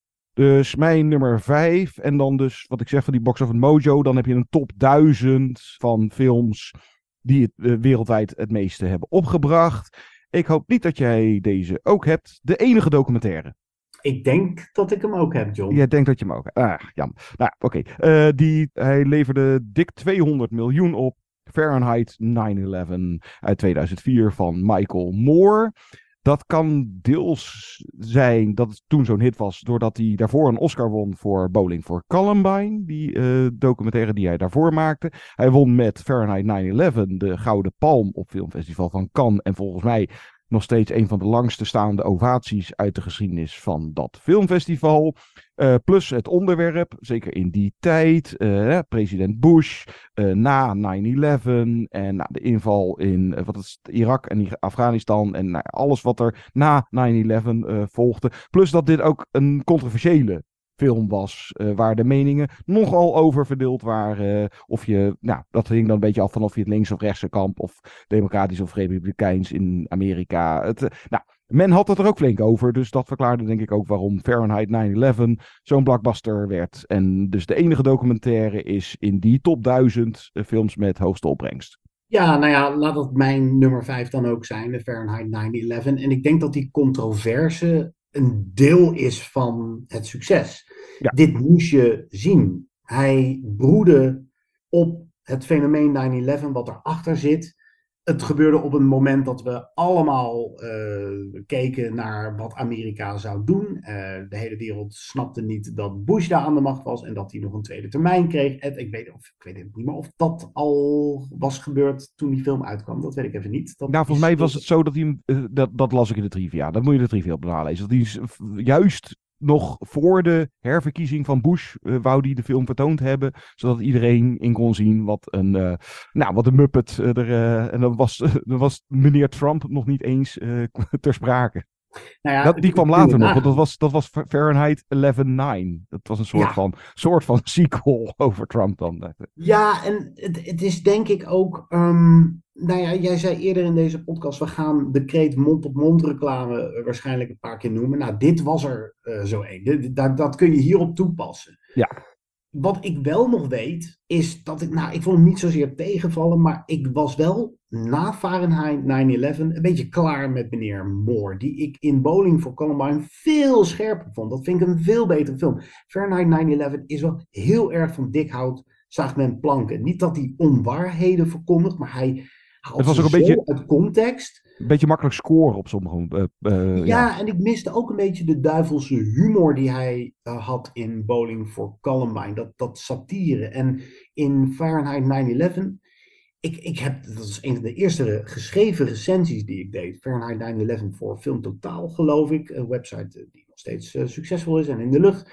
En toen heb ik hem een propagandafilm genoemd. En daar Hmm. sta ik eigenlijk nog steeds wel achter. Het is een van, die, van de laatste propagandafilms die we kregen en die een enorm succes werd. Waar we met z'n allen naar gingen kijken. Michael Moore laat geen ruimte over voor eigen interpretatie. Hier moet je het mee doen. En we, hebben er met z'n allen interessante discussies over gevoerd, of we het daar wel of niet mee eens zijn. Maar het was wel echt zijn visie. En dat vind ik nog steeds wel goed. Maar het is, het is niet zijn meest overtuigende documentaire. Uh, hebben we daarna ooit nog een briljante Michael Moore gezien? Ik, ik, ik kan me niet nee. herinneren wat hij daarna allemaal nog maakte. Over Cuba, geloof ik. Hij maakte, oh ja, Sicko. Ja, die was wel aardig. Ja. Ik geloof niet dat hij maar daarna... dat was weer typisch Michael Moore. Van, het is nogal makkelijk scoren om te laten zien hoe beroerd het zorgsysteem van Amerika in elkaar steekt. Gaan we naar Cuba, want zelfs daar is het beter geregeld. Ja, zo kan ik het ook. Weet je, dat, en dat had ik ook al een beetje met Fahrenheit 9-11. Maar het is een, een zeer opmerkelijke blockbuster, ja. Yeah. okay, get ready to read the words on this page without making a mistake. When the second plane hit the tower, his chief of staff entered the classroom and told Mr. Bush, the nation is under attack. Not knowing what to do, with no one telling him what to do, and no Secret Service rushing in to take him to safety, Mr. Bush just sat there and continued to read My Pet Goat with the children. Voor mijn nummer vier, ik hoop niet dat je ineens dan ook hebt, maar dat is de categorie, uh, oh, oké. Okay. Uh, eigenlijk bijna een soort van raadsel van waarom was dat in hemelsnaam zo'n grote blockbuster? What Lies Beneath uit 2000. Die leverde bijna 300 miljoen op wereldwijd. Ja, blijkbaar dan een budget van 100 miljoen. Waar dat aan op is gegaan, weet ik niet. De regisseur van dienst is Robert Zemeckis. En dit is ook hetzelfde jaar dat deze film. Dat is, dit is die film die hij maakte toen Tom Hanks enorm moest afvallen voor Castaway uit hetzelfde jaar. En Castaway ja. was een nog grotere blockbuster. Maar deze, ja, misschien daarom dat iedereen het daarover had. Ja, dat is die film die Robert Zemeckis maakte tijdens de pauze uh, van uh, Castaway. Ja, of het ligt dan aan dat Harrison Ford en Michelle Pfeiffer, wat toch ja, nog steeds wel, uh, of zeker in die tijd, grote sterren waren. Of het daarom, ja, of de film, ja, in hoeverre het een goede film is, weet ik eigenlijk niet zo goed. Ik was in de bioscoop drukker bezig met wat andere dingen met de dame die naast mij zit. Dus sowieso heeft de film ook op allerlei andere vlakken geen blijvende indruk op mij nagelaten. En sowieso is dit volgens mij een film, daar heeft toch niemand het meer over. Plus dat het dan zo'n blockbuster is waarbij ik het idee, daar heb je wel meerdere voorbeelden van. Dit zou nu nooit meer zo'n hit zijn als dat het toen was. Dat soort het kan net een, een eh, trendgevoelige film zijn geweest. Misschien waren op dat moment eh, thrillers of een beetje spookhuisfilms eh, succesvol. En dan met twee grote sterren. Maar het, Ja, is, deze- het is een beetje een raadsel. En Nou, dat je dat zegt. Ja, deze kwam een jaar na een titel die ik even nog niet zal noemen. Maar dat zou inderdaad daarmee Ja. te maken kunnen hebben. Ja, dat het is even een trendje. Maar deze kwam ik in de lijst tegen. En toen zat ik echt zo van: what the fuck? What lies beneath? Echt 300 miljoen? Het enige wat ik me nog kan herinneren van die film en wat men zich kan herinneren volgens mij van die film is dat die een belabberde eindtwist heeft. Ja, dat weet ik ook nog wel vaag. Ja. Het is, het is gewoon echt geen goede film. Maar ja, dat is, dat is leuk dat je zoiets dan tegenkomt. Interessant. Mijn nummer vier dan. Laat ik Jaws maar weer eens noemen. Want het was de eerste. Nou, was het de eerste blockbuster? Het was de eerste summer blockbuster. De uitvinder van het fenomeen dat we in de zomer grote films lanceren in de bioscoop. En nu wordt Jaws gezien als het prototype blockbuster. Maar dat was toen allesbehalve vanzelfsprekend dat dat een gigahit zou worden. Hij kostte geloof ik een slordige 9 miljoen dollar. Hij bracht wereldwijd 470, als ik het goed heb opgezocht, op. Dat was ook voor Steven Spielberg een, een gigantische meevaller. En zeker eh, gezien alle problemen op de set, het was natuurlijk een ramp. Het klassieke verhaal dat die haai nooit werkte. En het was gebaseerd op een pulproman van Peter Benchley over een haai die mensen opvreet. Maar ook daar was het, ja, je moet Jaws gezien hebben. Eh, je durft daarna nooit meer de zee in. Het is inmiddels een van de grootste klassiekers aller tijden. Ehm, maar toen was het alles behalve vanzelfsprekend. Die, die, die film had echt eh, eh, pootjes, of hoe zeg je, benen, of vinnen. Of, Ja, al- eh, als die er niet afgehapt waren. ja, als die niet afgehaald waren. En volgens mij is dus met deze film de term blockbuster ontstaan.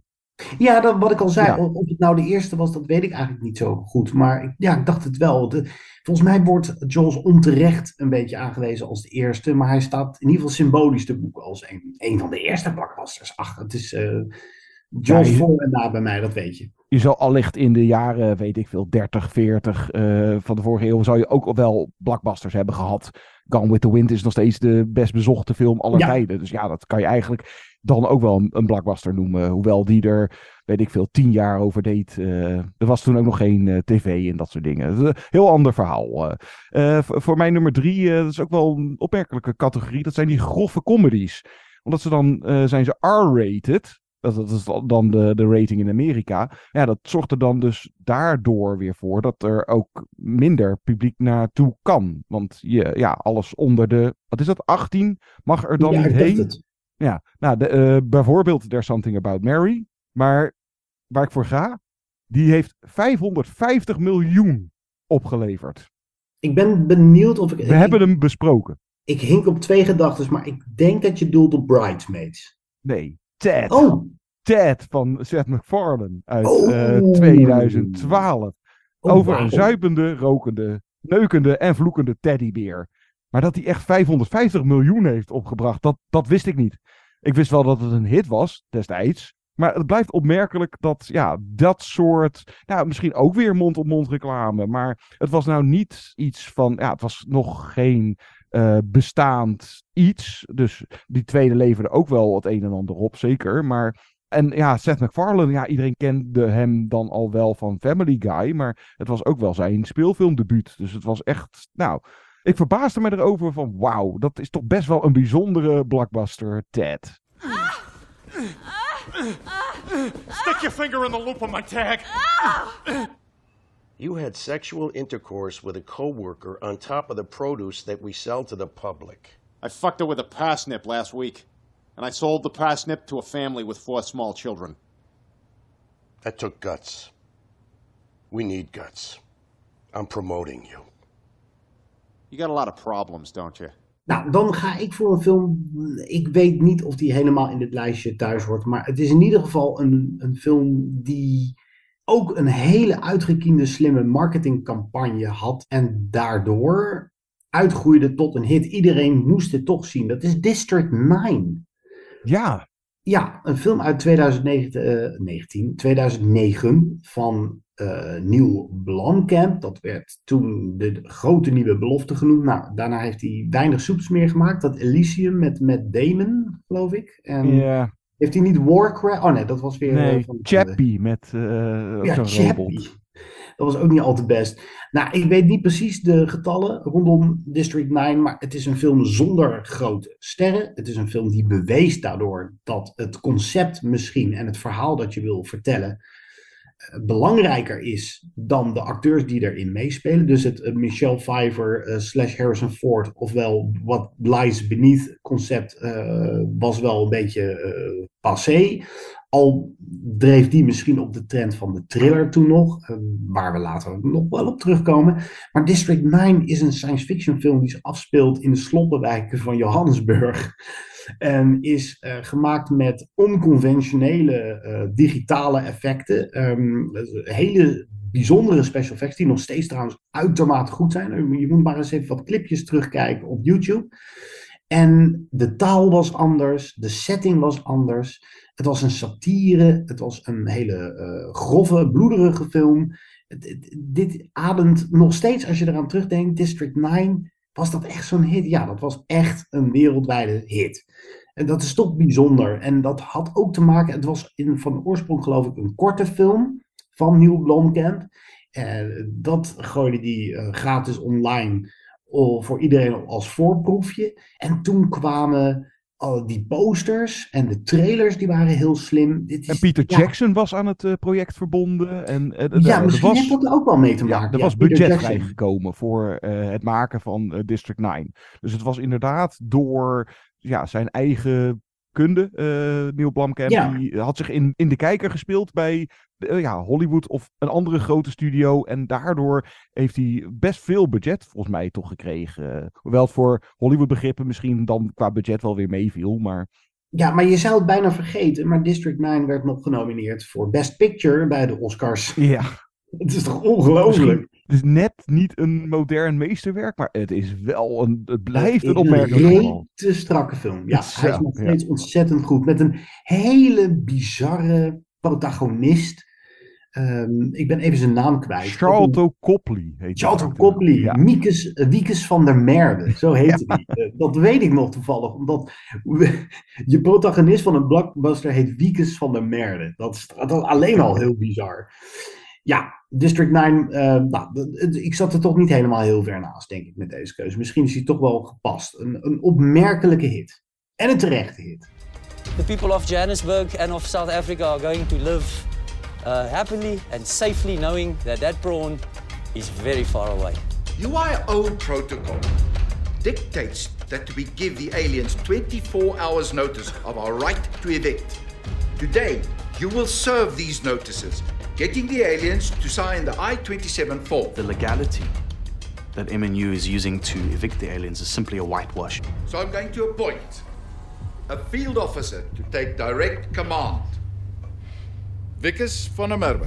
Everybody always said that Vickers was not a very smart boy, but he was a wonderful son.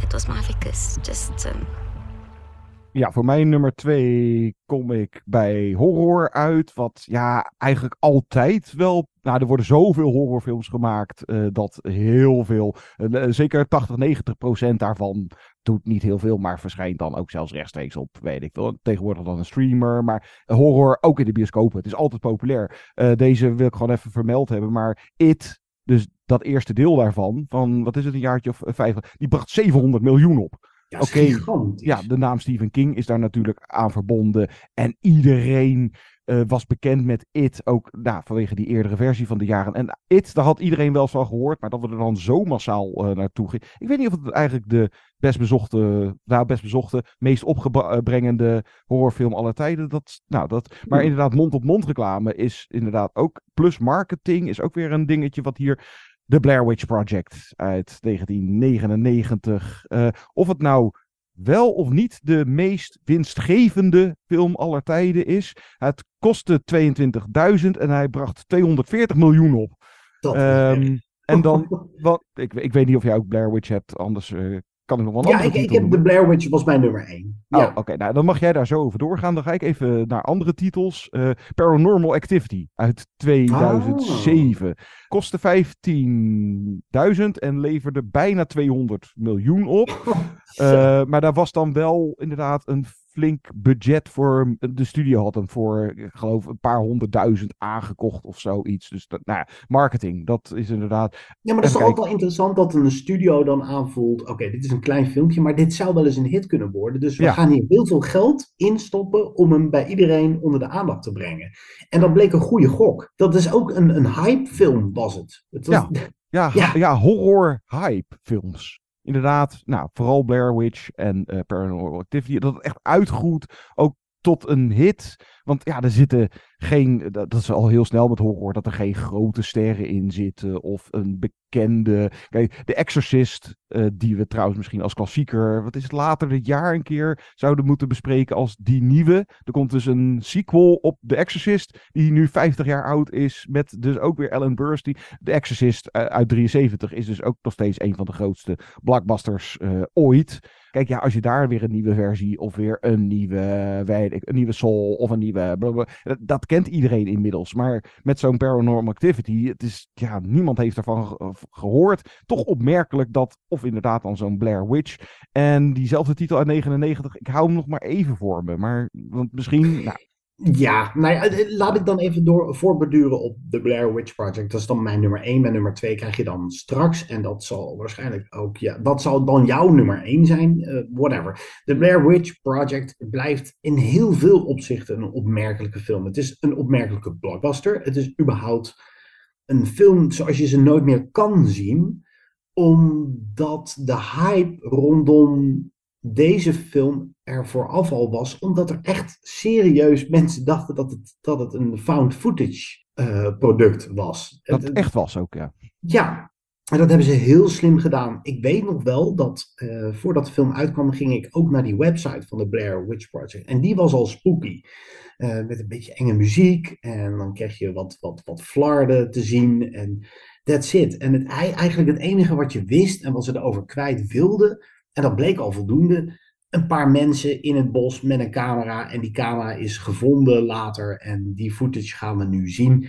Daar zou natuurlijk niemand meer intrappen. Niet dat ik er toen ook intrapte, maar zelfs ik dacht al van, hmm, daar, daar, hangt een zweem van mysterie omheen. Dat ik, ik wil dit toch gaan zien. En ik was gewoon licht nerveus ook eh, toen ik erheen ging. En je kan een hele discussie voeren. Misschien moeten we die trouwens eens terugspoelen. Wat daarvan overblijft. Volgend jaar, als die 25 jaar oud is. Ja, goed Kijk, plan. dat is ja. echt interessant. Want is het nou een goede film of is het eigenlijk gewoon een klote film? ik ben er nog steeds niet helemaal uit, maar het, is een slimme film. En die mensen zijn schathemelrijk geworden. Dat kan niet anders. Daar moet ook een verhaal achter zitten. Hoe is het met die mensen? Want geen van hen is, is volgens mij echt doorgebroken verder in het eh, filmindustrie Nee, ja, ze. Nog wel iets volgens mij gedaan, de makers, de regisseurs. Maar ik kan even niet op die namen komen. En ook niet wat ze daarna dan. eh, ze hebben op zeker geen nog idee. iets gedaan. Maar de, de Blair Witch, ja, dat, daar is er niet. Nou, niet dat ik weet. Maar daar zou, dat is volgens mij een fantastische documentaire.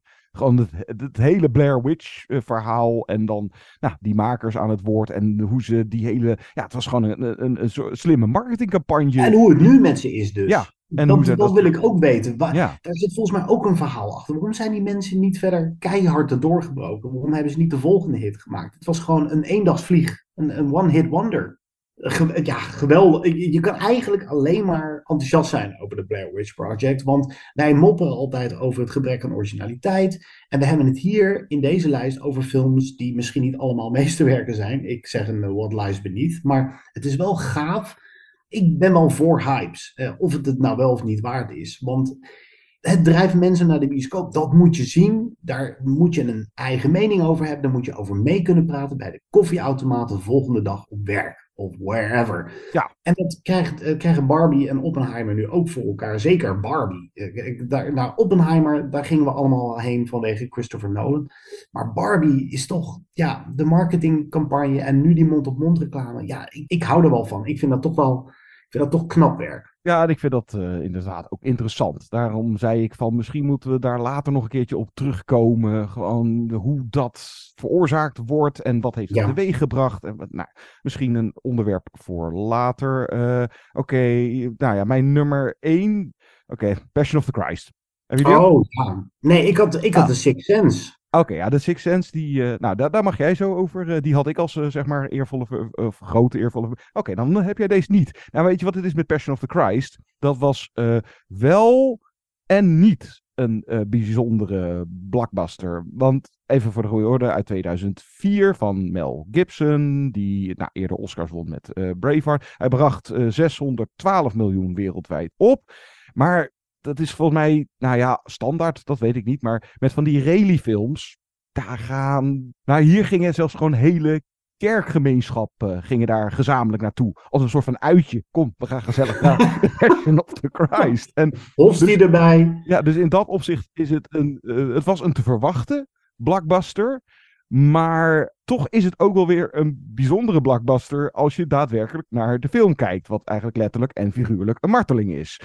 Eh, en hij is dan in het Aramees gesproken, een dode taal die nou, in die tijd eh, werd. Het blijft sowieso zo'n apart geval, Passion of the Christ, want het is. Het valt heel veel aan op te merken, maar het is een prachtige film. Het is prachtige ontzettend goed gemaakte film. Ja, Ja. ontzettend goed gemaakt. Prachtige muziek en Maar ook, allemaal ik maar. zei net propagandafilm, maar dit is er ook één trouwens. Ja, zo. Maar ja, nee, dus in dat opzicht, het, het blijft toch echt wel een, een ja, bijzondere dat die, het was te verwachten, het gebeurde dat hij zo massaal bezocht werd, maar achteraf, hè, kijkend naar de film zelf, blijft het toch heel opmerkelijk, zeker omdat het zo'n zware kost is. En dan heb ik de Kazare kost toch wel een eh, alvast kleine eervolle vermelding. Ook, die vond ik ook best opmerkelijk om tegen te komen met zijn 330 miljoen wereldwijd Black Swan van Darren Aronofsky. Oh, ik Ja. wist niet eens dat dat zo'n hit was. Ja, blijkbaar. Ja, dat is Hmm. ook niet eh, dat je, kom, gezellig mee naar Black Swan. Ja, het is wel interessant hoe zo'n hype werkt, want ik ben een filmliefhebber, dus ik zou sowieso al naar The Passion of the Christ gaan. Maar volgens mij zijn ook heel veel mensen naar die film geweest, omdat ze niet anders konden. dus niet alleen die kerkgemeenschap, ook als je er niks mee had, dacht je van jeetje, nou, nou ga- laat ik dan ook maar kijken. Ja, Toch? eh, dat moet ik toch ook maar even gezien hebben. ja. En de controverse, de enorme controverse. Niet alleen vanwege het inhoudelijke, dat eh, Mel Gibson eh, gewoon één leidend voorwerp heeft die hij helemaal tot moe slaat en ophangt. Het, het grote probleem van The Passion of the Christ is natuurlijk het, het totale gebrek aan spiritualiteit, terwijl het over het leven van Jezus Christus gaat, maar vooruit. Eh, wat je daar ook verder van vindt, maar ook Mel Gibson, de controversiële figuur zelf, de antisemitische lading die de film zou hebben. Al was dat Ehm, de- in die tijd eh, van het uitkomen van Passion volgens mij nog niet zo aan de orde. Dat, dat kan allemaal had daarna nog niet pas. die uitgelekte telefoongesprekken volgens mij. Nee, dat was allemaal later. Ja. Ja, maar het, het, het was wel. eh, nou, eh, ik geloof dat de vader van Mel Gibson is een, was een hele beruchte antisemiet. En de, ja, de, de mensen die de film zagen riepen al snel: dit is jodenhaat. Mm. Maar goed. Ik, ik ga me hier daar totaal niet aan wagen. Ik heb gewoon eh The Sixth Sense, dat is dan mijn nummer twee. Want Ik vind The Blair Witch Project de meest bijzondere blockbuster. Wat heb ik er verder nog over te zeggen over The Sixth Sense? Dat Nou ja, dat mond-to-mond reclame. eh, maar daar had je alles en iedereen. Dat was het bijzondere. Iedereen had het over die twist. De maar twist. was het mond-to-mond reclame. Maar je mocht niet zeggen wat dan de twist was. Dat is het leuke van de Six Sense. Ja, nee, absoluut. Eh, het probleem daarvan was dat heel veel mensen erheen gingen met het idee, er komt een twist aan en op basis van dat gegeven de twist konden raden. Want als je die film zou zien en je zou niet weten dat er een twist aan zit te komen, dan valt je mel pas echt open. Dus ik ben Wat wij hadden. Want wij zagen hem in de sneak samen volgens mij. Ja, Ja. maar toen, toen was er al een hype hoor. Toen, toen hoorde je al om je heen van, oeh, dat is, een, eh, dat is interessant. Mm, Oké. Die film heeft een einde eh, die je niet ziet aankomen. Maar ik ben nog steeds jaloers op de, de eerste lading eh bioscoopgangers die die film zag en die dat totaal niet wisten. Dan, dan is hij nog effectiever. Overigens blijf ik The Sixth Sense ook verdedigen als eh, goed geacteerd drama, als een van de beste rollen van Bruce Willis. Het is een echt een mooie, ehm, intieme film die echt tot een mega blockbuster uitgroeide. Nou, wat, eh, wat het vervolgens met de heer Shyamalan deed, dat weten we allemaal. Eh, dat het was, ook, ook hij was een beetje een eendagsvlieg. Ik heb ja, nog het wel steeg hem een beetje voor- naar zijn hoofd, eh, volgens mij. eh. Het- ja, een beetje grootheidswaanzin misschien zelfs. Ja. I see dead people. In your dreams? While you're awake?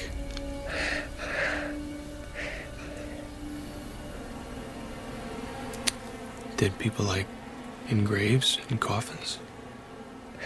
Walking around like regular people. They don't see each other. They only see what they want to see.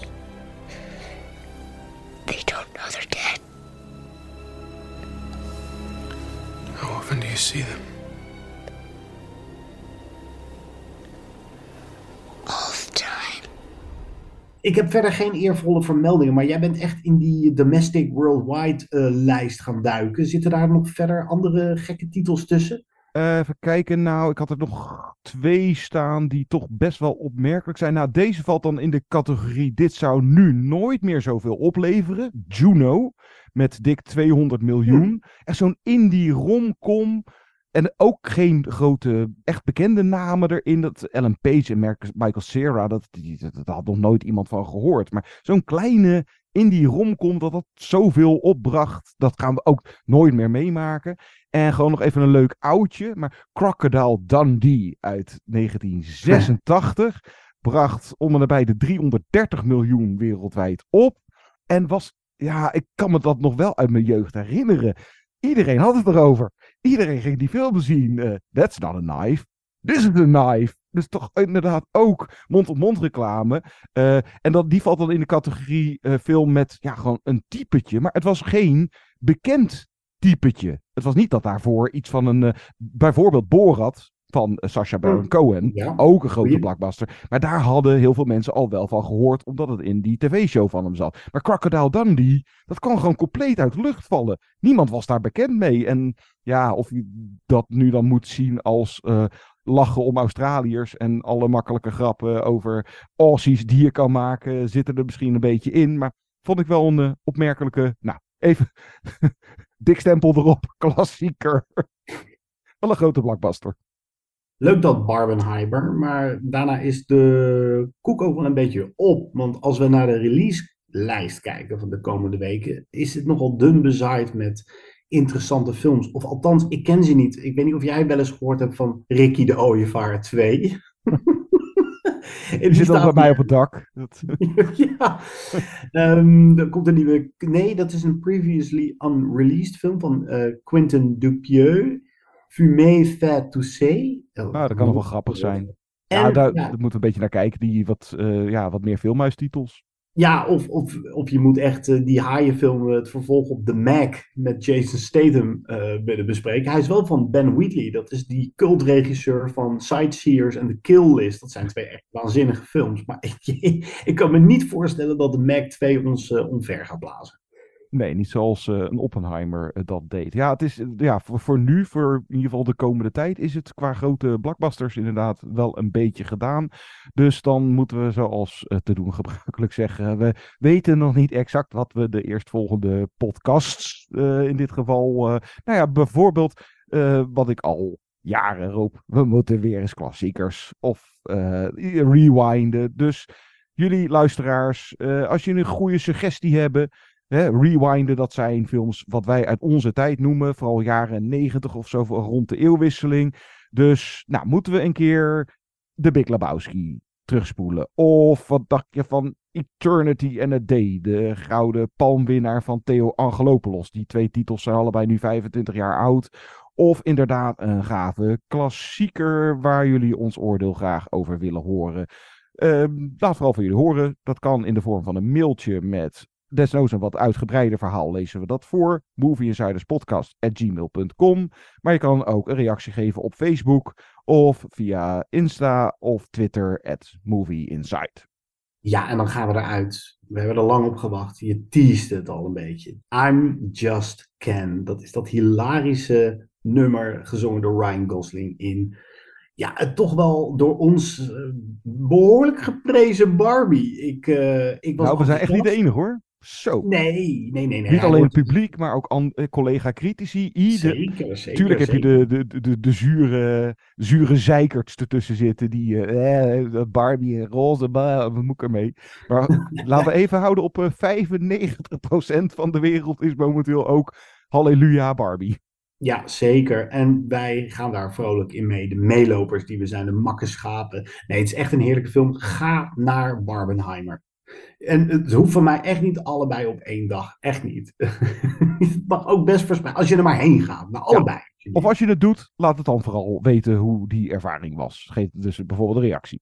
Zeker, doe dat, doe dat, doe dat. I'm Just Ken, daar gaan we naar uit. John, tot volgende week. Tot volgende keer. Doesn't seem to matter what I do.